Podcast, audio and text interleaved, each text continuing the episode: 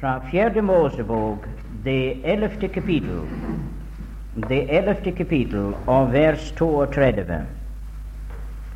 Da stod folket opp hele den natt, og hele natten og hele den neste dag og sankede bagtelene.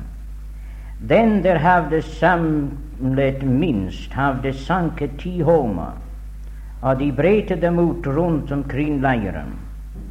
Men medens kjødet ennå var mellom deres tenner, før det var aldeles fortæret. Da opptentes Herrens frede mot folket, og Herren gjorde et såre stort nederlag blant folket. Og man kalte det samme steds navn Kibrot Hatava, fordi man der begrov folket som hadde vært begjærlig. Fra Kibrot Hatava brøt folket opp til Hazarot, og de ble i Hazarot. Vi leser ennå noen vers i det 14. kapittel. I det 14. kapittel, og vi leser fra vers 20.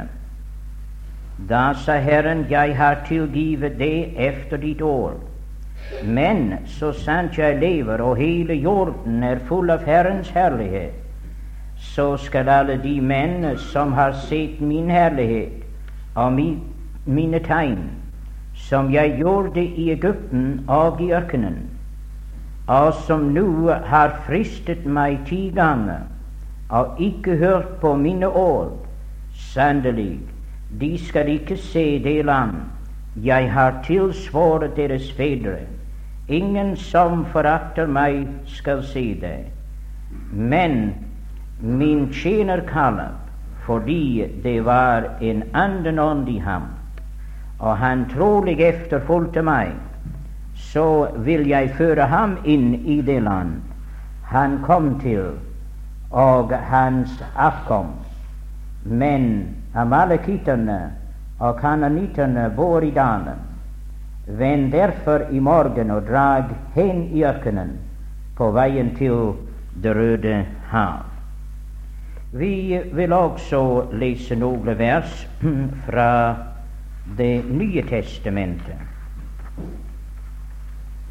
I Hebreerbrevet, i Hebreerbrevet og det ellevte kapittel, ellevte kapittel Hebreerbrevet.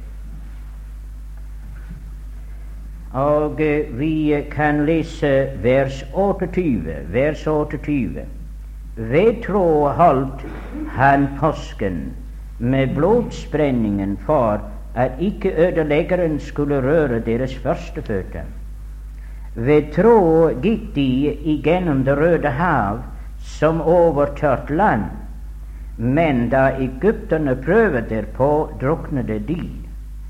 Ved tro falt Jerikos murer da de hadde gått omkring dem i syv dager. Nå leser vi i Korintierbrevet, første brev til korintierne, av det tiende kapittel, fra første vers.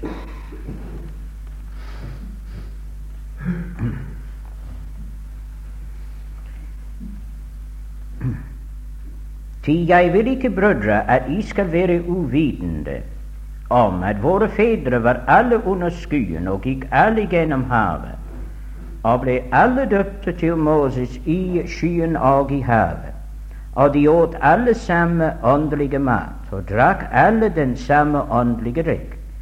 Ty de drakk av den åndelige klippe som fulgte dem, og klippen var Kristus. Allikevel hadde Gud ikke behag i de fleste av dem til de ble nedslagne i ørkenen.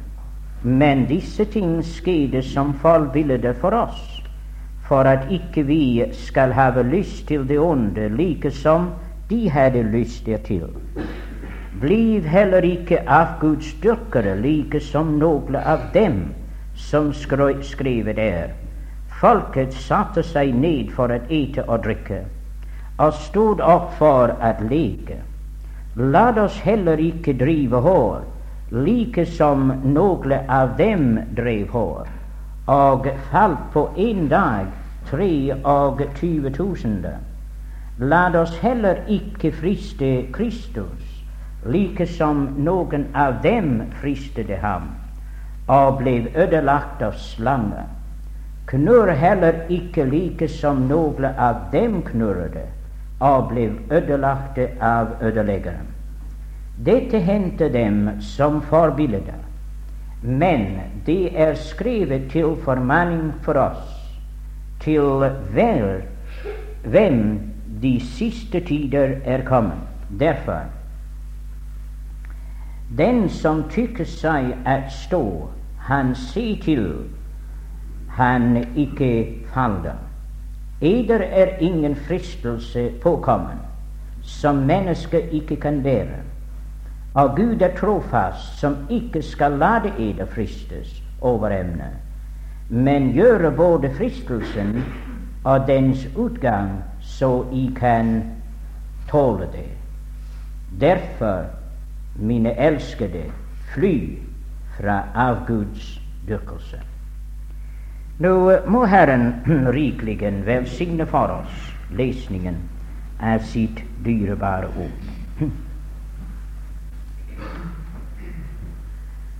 Det er sikkert ikke så nemt å tale over dette emnet som vi har foran oss i aften. Det er nemlig om Israels feiltrinn i ørkenen. Det er noen av de synes at det er en spesiell oppgave de har, å finne feil hos andre mennesker. Men jeg synes at dette er så lett. Og som broder McKinnon samme tider forteller oss om en han mente hans gave var å kritisere. Og den broder han fortalte dette til, sa at den gave synes han han kunne ganske trygg begrave. Ja, å kritisere, det er jo ganske, ganske lett. Men det er ikke i den ånd som vi ville komme til emnet i aften, for å kritisere de folk som er gått forut. Men det er å se på deres feiler, og så ransake våre egne hjerter for å finne om vi er bedre eller verre enn de. Og ikke alene dette, men det kommer til oss som en formaning. Og derfor er det i Korintierbrevet her apostelen har draget disse begivenheter frem fra Israels liv og vandel, for at de skal være forbilder, sier det, og også til lærdom for oss til hvem de siste tider er kommet. Av disse advarsler som er her i første Korintier 10, er sikkert advarsler som er spesiell, har vi spesielt behov for i de siste tider. Så derfor tror jeg det er sunt for oss å betrakte disse ting om Israel.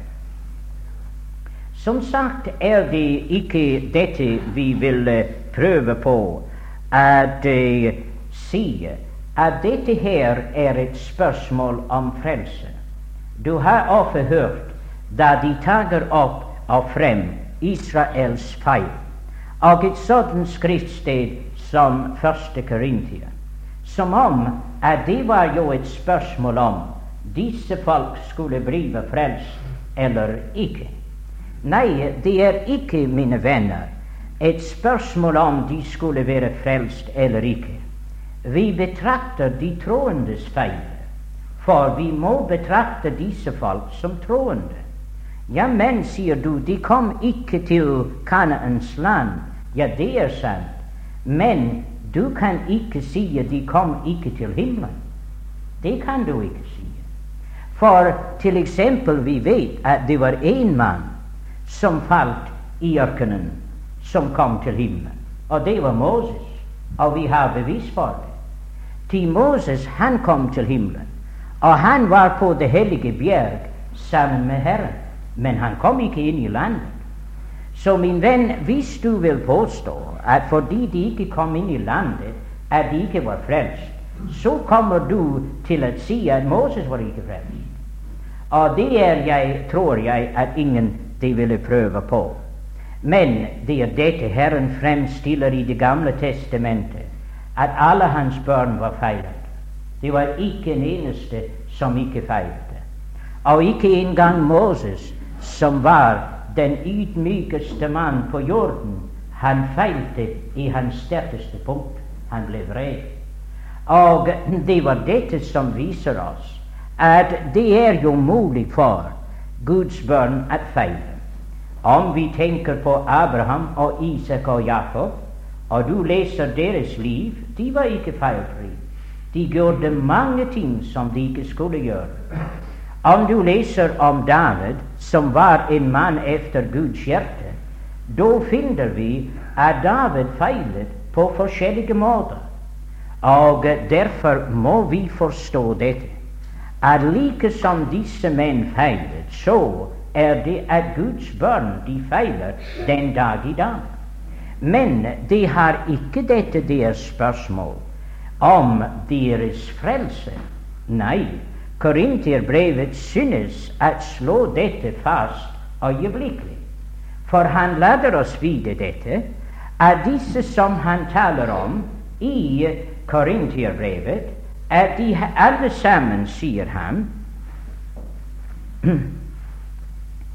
De alle sammen eh, ble eh, Våre fedre var alle sammen under skyen, og alle gikk igjennom havet. De ble alle døtte til Moses i skyen og i havet. Og de åt den samme åndelige mat, og de drakk den samme åndelige drikk. Men, sier han, de drakk av den klippe som fulgte dem, om klippen er Kristus. Allikevel hadde Gud ikke behag i de fleste av dem. Se, spørsmålet var ikke dette, om de skulle komme til himmelen, men spørsmålet var om Herren var glad i dem i deres vandring her i denne verden. Og det er jo det spørsmål for de troende. Om Herren er glad i deg i din vandring. Se, det er dette. Det er troende som likefrem ikke får balanse i sannheten. Den ene de roser seg av at alt er vel. Tid, de er i Kristus. Og fordi de er i Kristus, da står alt vel til. Ja, men det er ikke spørsmålet her om de er i Kristus. Men her er spørsmålet om Kristus er i deg. Og det er en helt annen ting. For du vet at Gud har kun behag i Kristus. Og hvis Kristus ikke er i deg, hvis Han ikke lever sitt liv om igjen i deg og meg, så kan Herren ikke ha behag i oss, til Han har kun behag i Kristus. Nå, det er ikke spørsmål om frelse, for vi ser i Korinterbrevet at Herren sier om noen av de troende i den forsamling Han sier det er derfor, fordi vi ikke dømmer oss selv. Da er det noen syke og skrøpelige i dere, og noen er hensovet. Det var merkverdig. Syke og skrøpelige og hensovet. Ja, det viste seg at i disse første dager at Herren han handlet meget i overensstemmelse med hans rettferdighet. Og derfor dømte han i forsamlingen. De hadde ikke lært å dømme seg selv. Og han, det var noen syke, og noen var skrøpelige, og noen av dem hadde hensovet. Ved andre ord, de var døde. Men det er ingen det vil si at de var fortapte. Nei, det kunne ikke være. For han sa ikke de var døde, men han sa de var hensovet. Og man hensover i Kristus men man dør i sine synder. Og det var dette disse hensovet i Kristus. De var for dårlige for denne verden, men de var gode nok for himmelen. Du sier dette er merkverdig.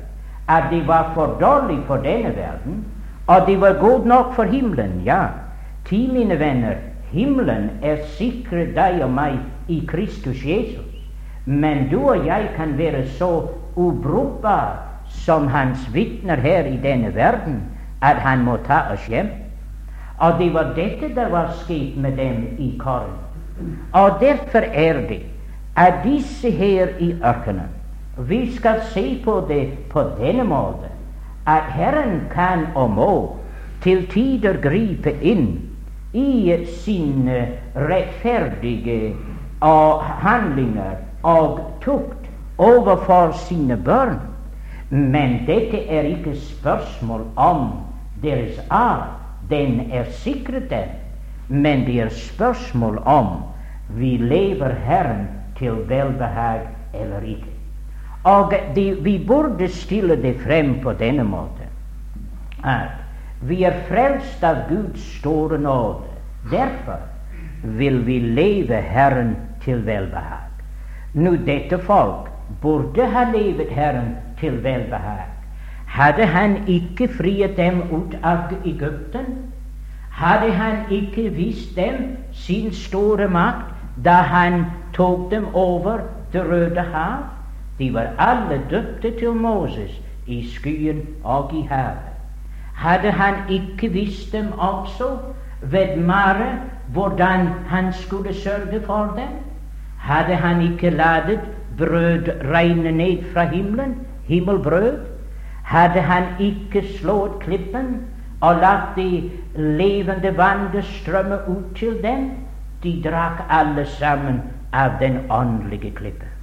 Hadde han ikke visst dem hans nærværelse nettopp der eh, ved Sinais bjerg, hadde han ikke givet dem et tabernakel med alle disse ofringer og alle disse store velsignelser, hadde han ikke vært umåtelig god og kjærlig og nådig imot dem. Ja, skulle dette ikke bevirke at dette folk ville prøve på å leve så de kunne være den Gud til velbehag?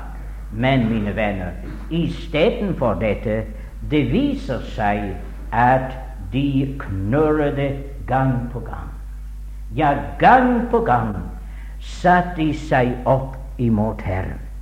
Nå må ikke, kjære Guds barn, at det er noe som du og jeg burde ta til inntekt. Har vi ikke vært gjenstand for store velsignelser? Har Herren ikke draget oss opp av fordervelsens grav, av det skitne dyn? Har Han ikke friet oss fra vår store fiende Satan? Har Han ikke givet oss syndernes forlatelse? Har Han ikke beriket oss med alle åndelige velsignelser i himmelen i Kristus Jesus? Har Han ikke givet oss sin hellige ånd i våre hjerter? Har Han ikke vært god imot oss i det timelige og på alle andre måter? Nå, hva skulle man si om vi er så utakknemlige at vi ikke tjener Ham av hele vårt hjerte? Men det er nettopp det som er i veien med oss som Guds barn i dag. At vi synes så hurtig å glemme alle Herrens velgjerninger imot oss. Og en utakknemlig hjerte er i oss, og likefrem en knurren imot Herren. Vi er sikkert ikke bedre enn dette folk Israel. Det vi leser her om Israel, at de hadde som uh, sagt inntil de kom til Kades Barnea. Da sier Herren han hadde hørt dem knurre ti ganger, ti ganger, at de hadde vært opp imot Herren ti ganger. Det er kanskje litt vanskelig for oss å finne nøyaktig disse ti ganger. Men jeg tror at Herren hadde lagt merke til hvordan dette folk hadde oppført seg overfor ham, og den store gjerning som han gjorde for dem. Da vi, om vi skal få disse ti ganger, i hvert fall om jeg skal finne disse ti ganger, så må jeg gå tilbake til den tid at de forkastet Moses den første gang da han kom til dem. Og du må lese i forbindelse med Stefanas i apostlenes gjerninger.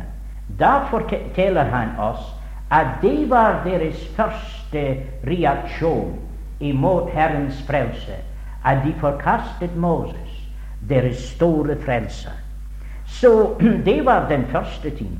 Og da han ville frie dem ut den andre gang, så satte de seg opp imot Herren igjen. De var ikke villige til å gå. Og de knurret fordi at deres trelldom ble gjort hardere. De ropte igjen, som vi vet, ved Det røde hav. De knurret også her ved Mara.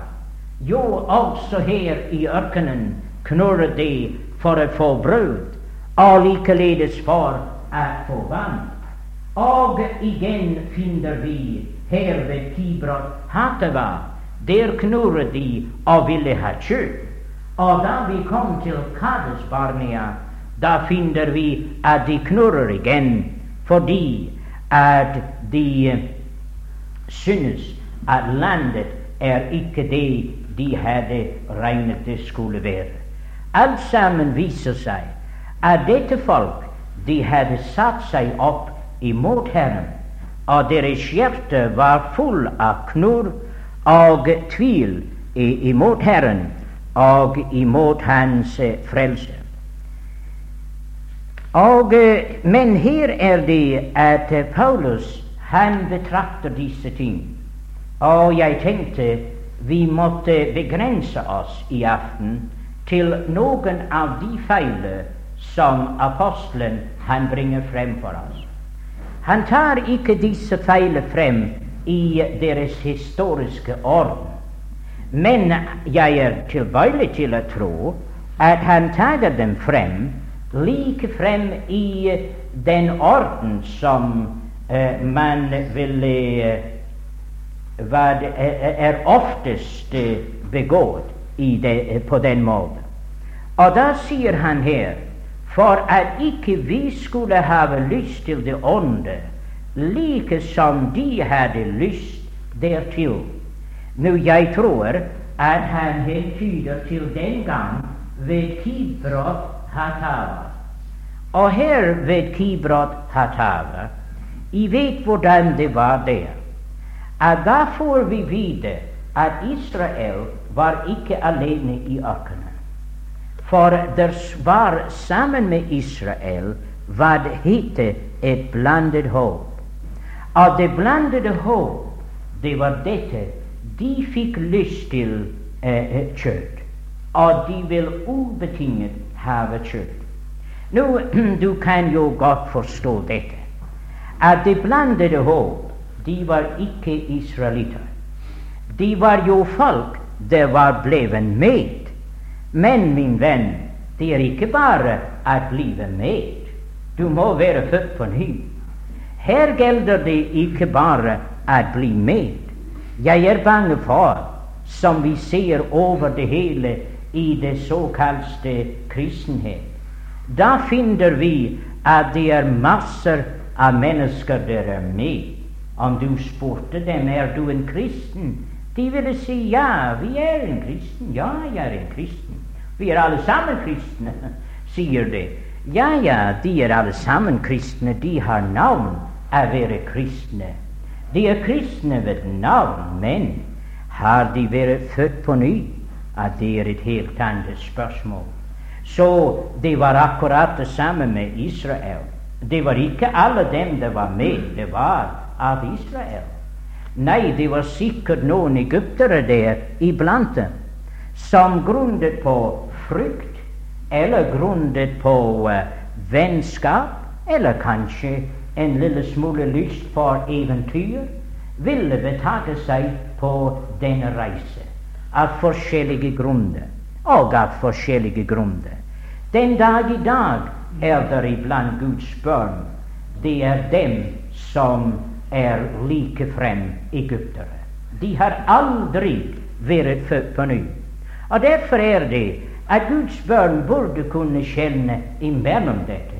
Jeg skal ikke si at du skal si at den er en egypter, og og denne er en israelitt. Nei, det er sikkert ikke så nevnt for deg å kjenne dem. Jeg tror at Herren kjenner sin. Ja, det er det som står i min bok, i hvert fall. Og han sier at alle dem som bekjenner Herrens navn, må avstå fra urettferdig. Så at når en er med, om de er født på ny eller ikke, de har plikt til å avstå fra urettferdig. Til alle dem som nevner Herrens navn, skal avstå fra urettferdighet.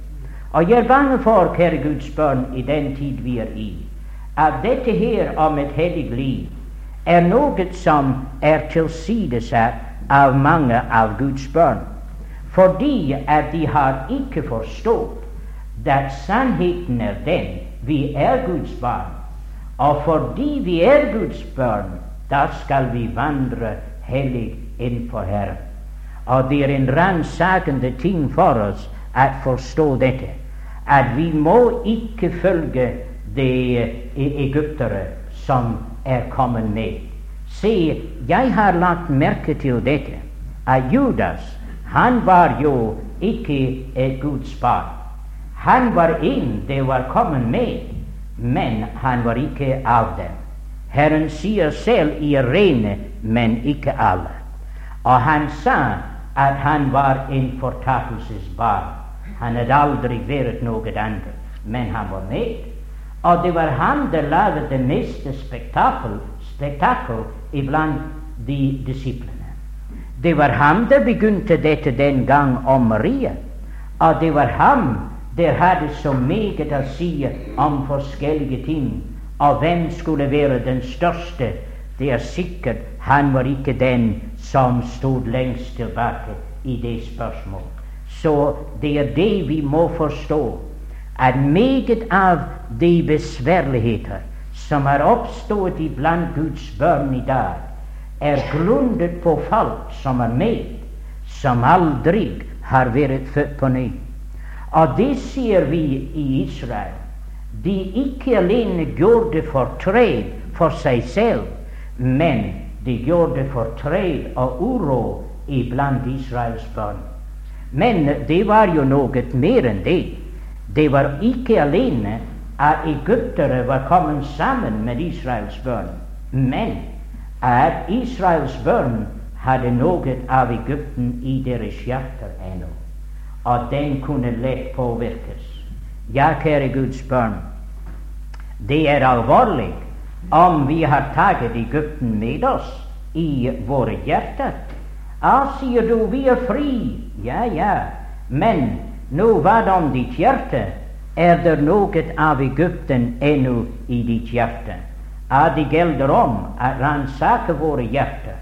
For her viser det seg at så snart det blandede håp kom til makten og fikk ytre seg, da viste det seg at Israel hadde så meget av Egypten ennå i deres hjerter at de falt like frem for den fristelse den dag.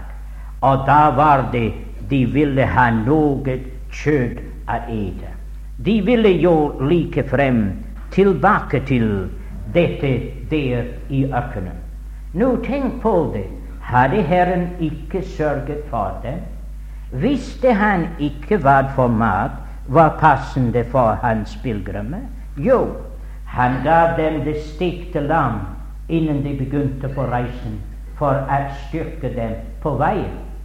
Han gav dem usyrede brød, hadde de med seg i den første del av reisen. Og det er jo så såre nødvendig for Guds pilegrimer. Det første del av reisen er det usyrede brød.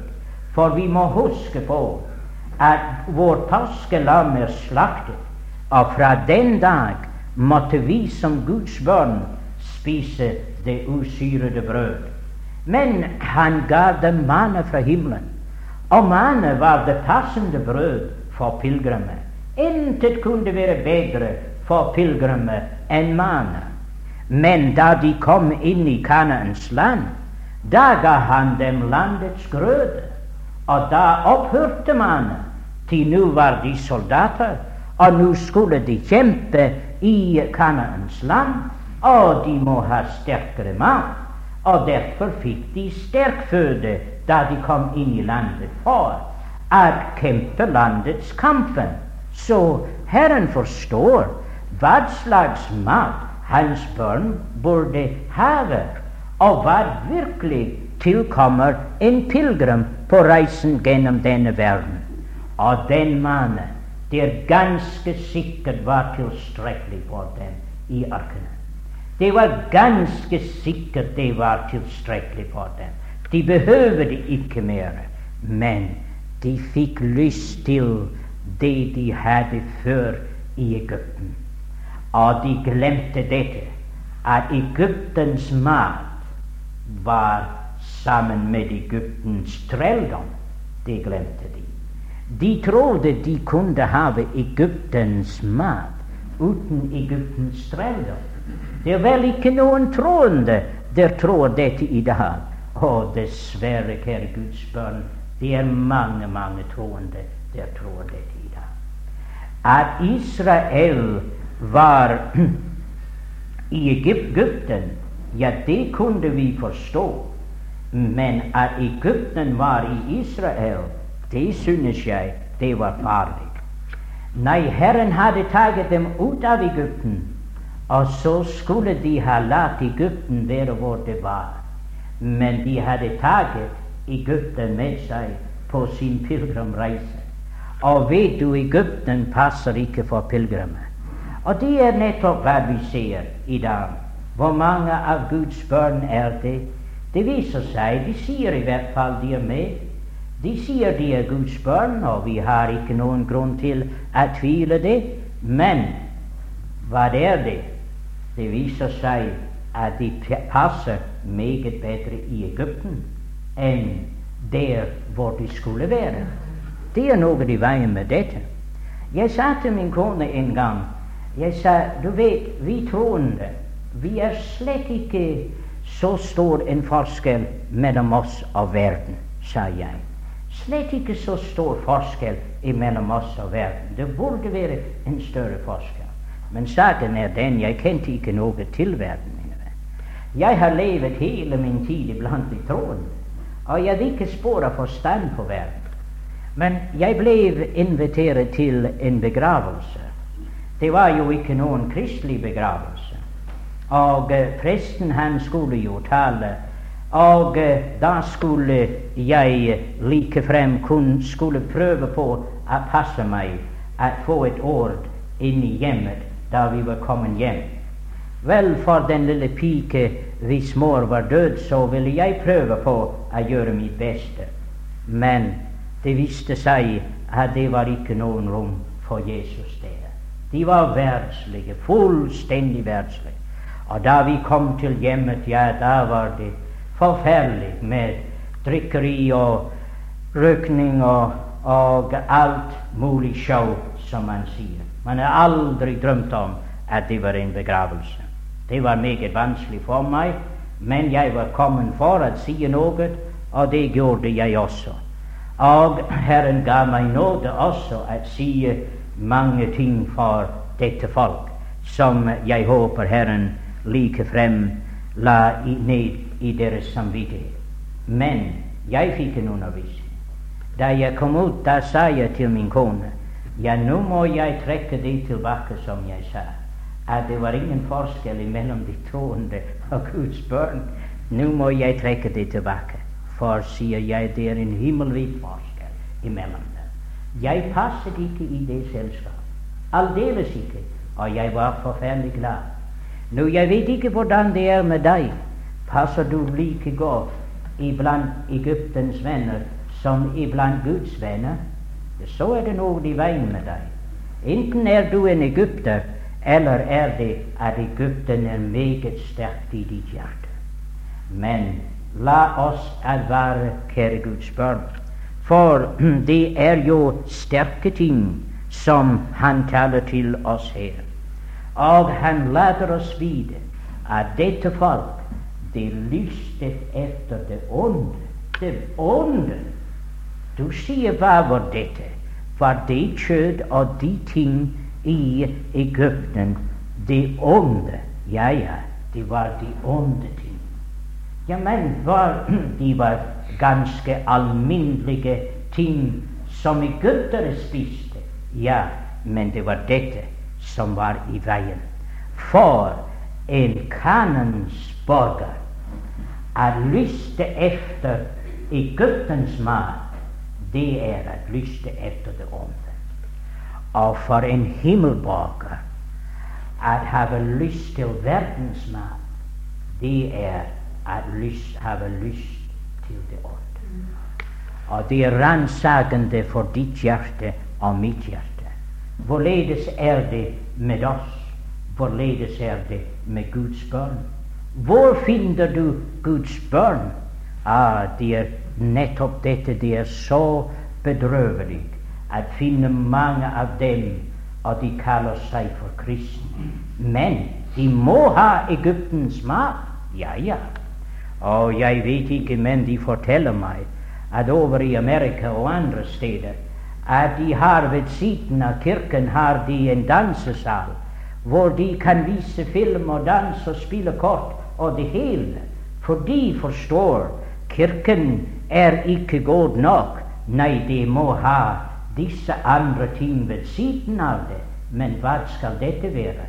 Det ene, mine venner, er et bilde på Egypten, og det andre er et bilde på det himmelske. Men det ene kan ikke eksistere side om side med den andre. Nei, det er Kibrot Hatava. Der er det i dag hvor masser av Guds barn de mister deres liv. Nå er det ikke spørsmål om deres frelse, men de mister deres liv og deres vitnesbyrd i denne verden. De dør, og de blir begravet der i Kibrot Hatava. Jeg har lest, jeg vet ikke om det er pålitelig eller ikke, men der ute i Sinais ørken er det forskjellige begravelsessteder. Og disse arabere de viser dem frem, og, de forklarer dem fra de forskjellige tider. Da er det veldige, store stenhoper fra de forskjellige tider. Men det sies at nettopp i nærheten av hvor de mener dette sted lå, da er det en veldig håp av steiner. En veldig kirkegård ligger der med alle den her veldige håp av steiner. De forteller araberne at den stammer seg ut fra urtiden, helt langt tilbake, som de sier til frankerne, som de kalte dem for. Men det er dem som har andre meninger om det. Om det ikke nettopp er et minne tilbake fra Kibrot Hatava. Det fortelles om de andre steder somme tider. En gang her det står at meget folk døde. Og det står også et annet sted om at det var 3000 døde her ved Sinais bjerg i avgudsdyrkelse. Og det står også en annen gang om at 23 000 eh, døde i forbindelse med det der hendte her oppe ved, eh, ved moabitterne. Så at det var forskjellige tider. Men her det står at Herren likefrem han gjorde et stort innhugg og nederlag der på Israel. Et veldig mengde, men det står ikke hvor mange det var. Men en av salmene giver oss et inntrykk. Det står at Herren han herjede iblant deres sterke unge menn. Ja, det var et veldig takk for Israel at disse sterke unge menn de falt der i ørkenen, og de var begravet i ørkenen. Hvorfor? De fikk lyst til det onde. Er det ikke en veldig advarsel der for oss som Guds barn? At vi som her hører Herren til, at vi har ikke noe med denne verden å gjøre. Hva er din mat, kjære Guds barn? Hva spiser du? Er himmelens manne nok for deg? Eller må du ha alt det andre som verden serverer? Alt dette her skjønnlitteratur, og alt dette her, ja, som er like frem det dårligste av det dårlige, skal Guds børn like frem fylle deres tanker med sånne ting? Nei, bort med det. Det hører til Egypten, og det er Egyptens mat. Du kan forsvare det om du vil, min venn, men alt dette hører til Egyptens mat. Og vi må forstå dette. Jeg husker som en ung troende. Jeg var nokså nøye med dette. Min far oppdraget oss til det. Og det var ingen av disse løse blader og den slags som kom inn i våre sjel. Kun dette det kunne være til veiledning og opptuktelse og veiledning i det åndelige. Og jeg var så stram på det i skolen at jeg ikke engang ville lese alle deres romaner som de sa at jeg måtte lese. Og læreren sa nå når du kommer til å bestå prøven, så blir du lenger tilbake enn de andre. Nei, sier jeg, gi meg noe å lese som er noe verdt, men de vil jeg ikke lese. Ja, du sier det, og hvordan gikk det? Ja, ja, det viste seg jeg var ikke verre enn de andre når det kom til stykket. Jeg kunne lise meg som de andre kunne, så jeg kom igjennom. Men det er dette at den som vil lese Guds ord, han skal finne at det er mat for hans sjel. Og det er dette jeg ønsker at likefrem forklare for eder, kjære Guds barn. Og ser I som er ung i troen, les Guds ord. Det er manna. Det er himmelens brød. Og les det hver eneste dag. Mett din sjel i dette. Og jeg skal si så taper du lyst til det andre. Så har det andre ingen glans for deg. Men spis bare det andre, og du skal få mer og mer lyst til det, og mindre lyst til Guds ord. Så husk på dette. Det er en kamp mellom Guds mat og verdens mat. Og det er Kibrod hateva. Og si meg det Guds barn som leser Guds ord. Han skal vokse og bli sterk for Herren. Men vis meg den som forsømmer det og leser alt dette her som verden serverer i dag, og de skal være ganske, ganske til ingen nytte som vil lese disse ting. Ja, jeg har sett det så mange ganger. Dem der leser Guds ord, det er snart de setter sitt preg på dem. Så kjære Guds barn, la oss være klar over dette, at vi er frelst av Guds store nåde, men det gjelder om at vi metter vår sjel på det himmelske mat. For mange Guds barn er bleven liggende tilbake. Ikke hva hans frelse angår, men hva hans vitnesbyrd angår. Er han ødelagt fordi han har ikke lest Guds ord? Tenk hvor meget det hadde vært bedre for vitnesbyrdet for Israel om de hadde hatt alle disse menn fra Kibrot Hatava der døde i ørkenen. Tenk hvor meget sterkere vitnesbyrdet kunne vært og tenk, kjære Guds barn hvor meget styrke vitnesbyrd kunne være i dag om alle Guds barn ville holde seg til den mat Herren har givet oss, sitt dyrebare ord, og nære oss på det. Da ville det være som Johannes sier, jeg skriver til eder unge menn, ti er sterke, av Guds ord bliver i eder, og I har seiret over den ånd. Ja og det er ingen annen vei til det. Så derved Kibrot Hateva får vi, kjære Guds barn, en veldig advarsel, for der døde de som lystede efter det ånde.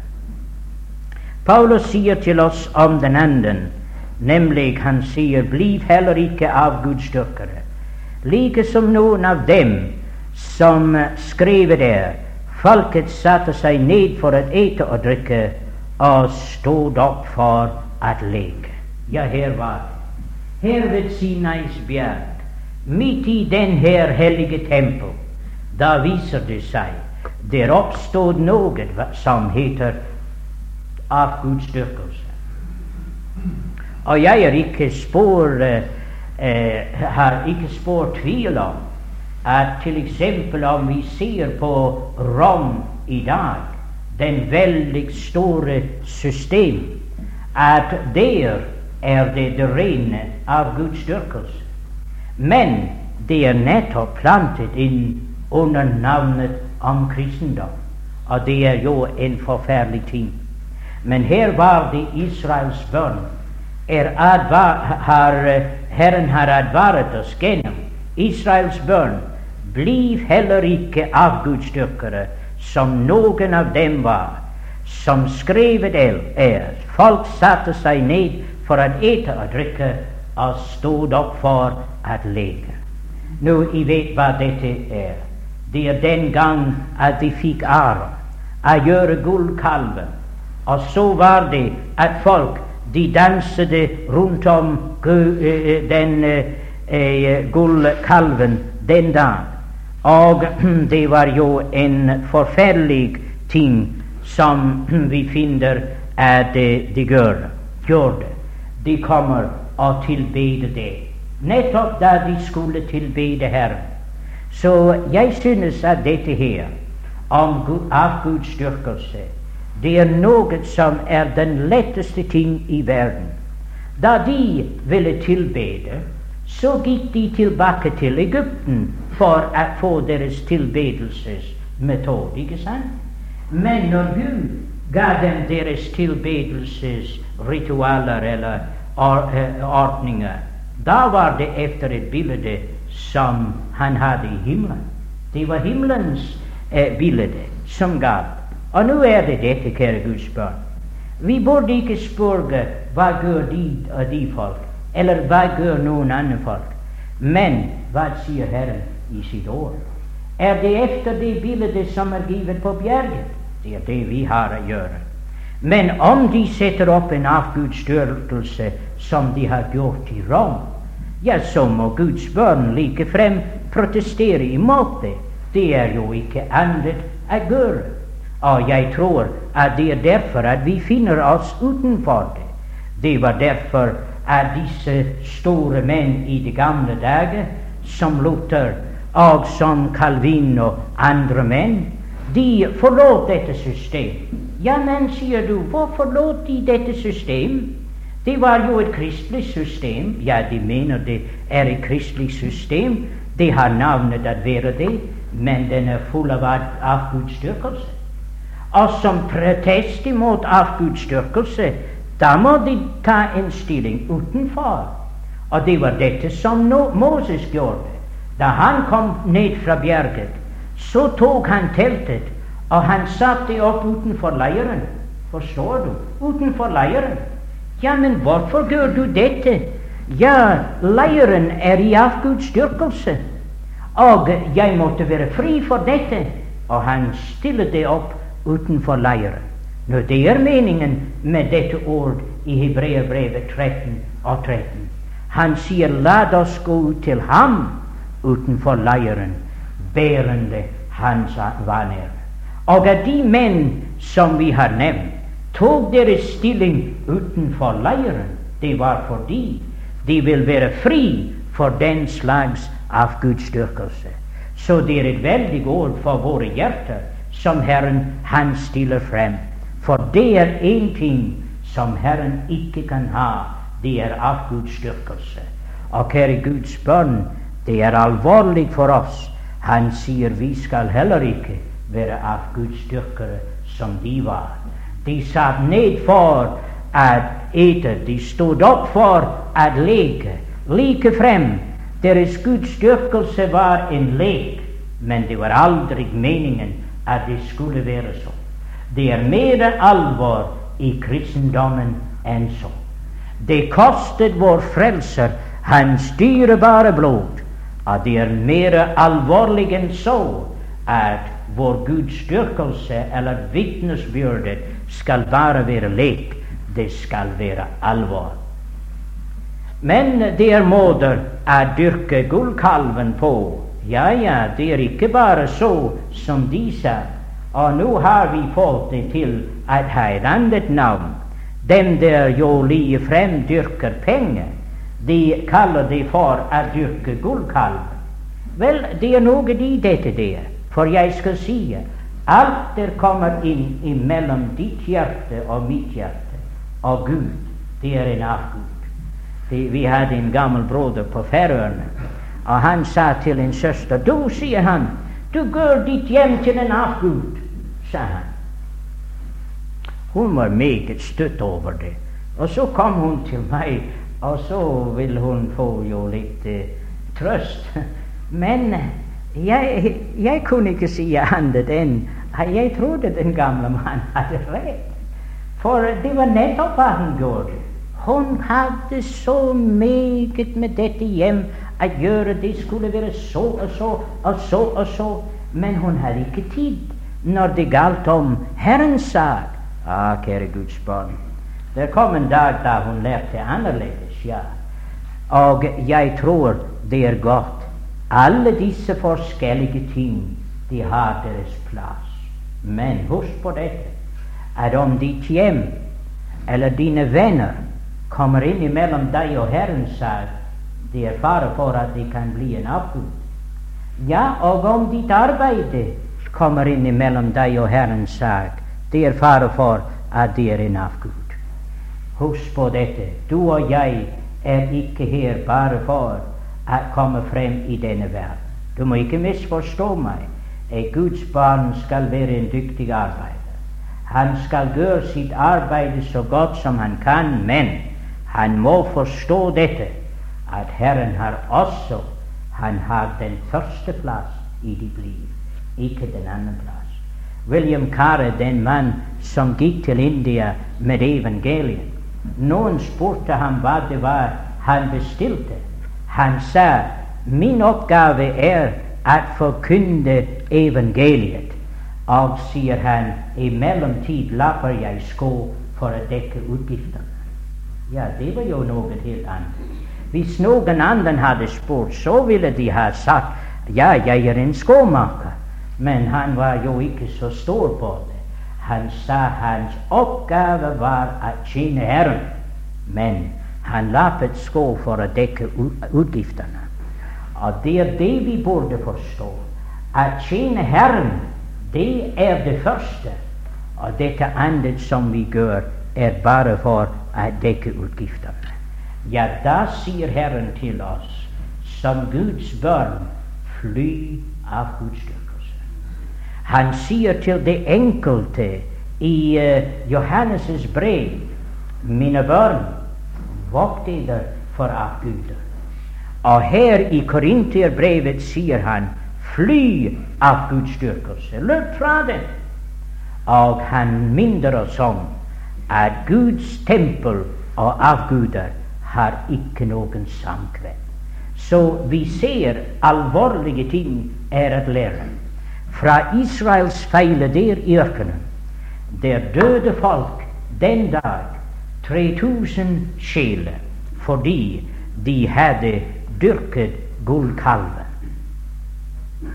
Da kommer vi til den tredje som han nevner, og vi må skynde oss da. La oss heller ikke drive hår, like som noen av dem drev hår, og falt på én dag 23 000.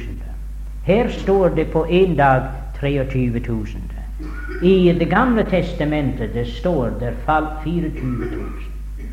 Men jeg antager at saken var den at der falt, som sagt, en 23 000 på én dag. Og uh, hvor når var dette? Det var her, ved Moabs grense. Da de stod like frem overfor det forjettede land, da kom William inn og han prøvde på å forbanne dem. Vi kunne ha hatt interesse å taler mer om dette, men tiden tillater ikke. Men han gjorde så med dem, prøvde på det, men Herren tillot det ikke. Men han sier det er en annen vei. Han sier du skal få dem til å blande seg. Å blande seg. Å få dem å blande seg, så at I giver deres døtre til deres sønner, og så deres sønner får deres døtre, inngår ekteskap med dem ved andre år. Blandet ekteskap. Det var dette det heter. Og her er det kalt for utukt. Blandet ekteskap. Og det var en forferdelig ting. Det var en forferdelig ting. Og det er sikkert det ville ha vært meget verre om Finnehas, den trofaste prest, ikke like frem hadde gjort noe meget, meget hardt. Han gikk ut, og han drepte en mann som brakte en moabitisk kvinne inn i herrens, eh, iblant Herrens folk. Ja, og da var det alvorlig. Se, Williams lære er dette. Ved dem av Williams lære Williams vei er én ting, men Williams lære er en annen. Williams lære er dette at du kan godt blande Guds barn og verdens barn. Men da William talte, han sa og folket skal være alene. De skal ikke regnes blant nasjoner. Adskilt. Men blant dem, og de mister kraft. Og kjære Guds barn, der er det. Blandet ekteskap, de vantro og de troende blander seg sammen. Det går ikke. Og blandet i forretningsliv. Det går ikke. Og like meget på hvilken måte du blander det. Det går ikke. Til Guds barn mister deres kraft ved å bli blandet. Og da finner vi at det var en forferdelig ting der. Da var det som sagt at det døde 23 000. 23 000 på én dag. Du sier det var forferdelig. Ja, og det var nettopp fordi Er det ikke en advarsel for oss som hører Herren til, at husk på dette, at Herren har sagt at vi skal være alene. Gå ut fra dem, står det, og vi skal ikke ha samkvem med det ugudelige og med det som er urett. Guds barn skal være atskilt på alle måter fra denne verden. Ingen sammenblanding. Så der lærer vi veldige lekser fra det som hendte der i ørkenen. Vi kunne belyse det fra det daglige liv. Ja, ja. Hvor mange der er der sørger, nettopp fordi noe av dette har skjedd. Men det er en alvorlig ting, at det er givet til oss for undervisning. For i dag, hvordan er det? Ja, vi finner at det er nettopp så. Og da står det også i forbindelse med det at han minner oss om også at uh, la oss heller ikke friste Kristus, like som noen av dem fristede ham og ble ødelagt av slanger. Det vil si, det var dette de gjorde her. De fristede Kristus, og de ble ødelagt av slanger. Og han sier knurr heller ikke, like som noen av dem knurrede og ble ødelagt av ødeleggeren. Og tenk hvordan det er at dette folk de knurret her. Og i 38 år gikk de rundt i ørkenen, og deres døde ben ble strøet ut i ørkenen en fryktelig ting. Der var 600 000 sterke unge menn som lagde seg ned i ørkenen der og døde i ørkenen. Det er en veldig ting. De fristede Herren. Å, kjære Guds barn, er det ikke alvorlig for oss å tenke på dette? At etter alt den nåde som Herren viste Israel, de viste seg så ganske utakknemlig og de knurrede imot ham og fryktet ham.